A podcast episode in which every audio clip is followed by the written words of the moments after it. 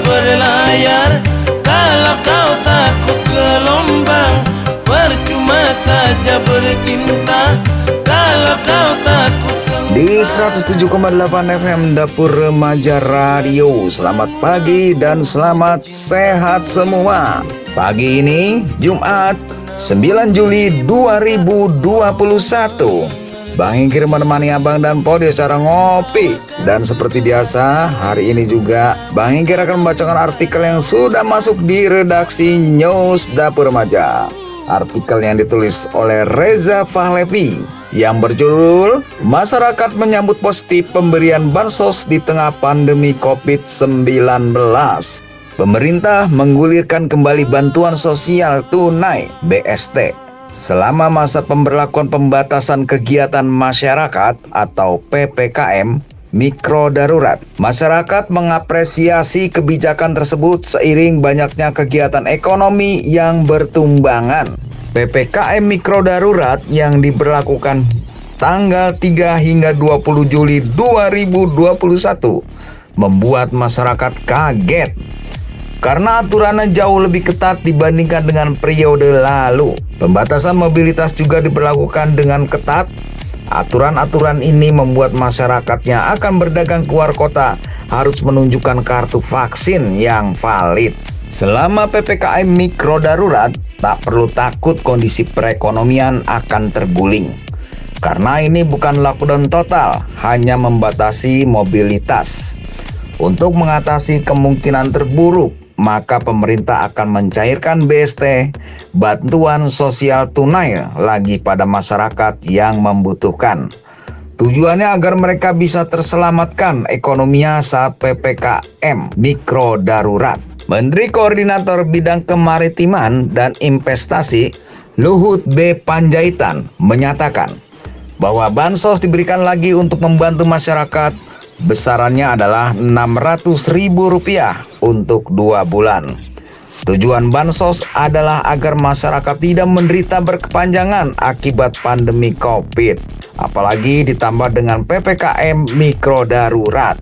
Ya, mengapa harus bansos? Pemerintah ingin menolong masyarakat yang kondisi ekonominya lemah selama pandemi. Penyebabnya karena kemiskinan akan membawa ke berbagai masalah sosial baru. Jangan sampai keadaan pandemi diperparah oleh berbagai masalah sosial akibat ketimpangan ekonomi di masyarakat. Jika ada bantuan sosial, maka rakyat akan tenang karena punya pegangan untuk sementara. Sehingga diharap jika mereka menerimanya, perutnya kenyang dan bisa semangat kerja lagi. Walau berada di tengah pandemi COVID. Bantuan ini bukan untuk memanjakan rakyat, tetapi merupakan perhatian untuk pemerintah agar mereka tidak mati kelaparan. Bantuan ini bukan untuk memanjakan rakyat, tetapi merupakan perhatian untuk pemerintah agar mereka tidak mati kelaparan. Bantuan juga diberikan secara tunai karena lebih praktis, tinggal transfer ke rekening bank BUMN atau diberikan pada masyarakat langsung jika mereka tidak ada nomor rekening di bank. Pemerintah menganggarkan 2,3 triliun rupiah yang akan diberikan pada rakyat yang membutuhkan dan akan disalurkan mulai minggu depan.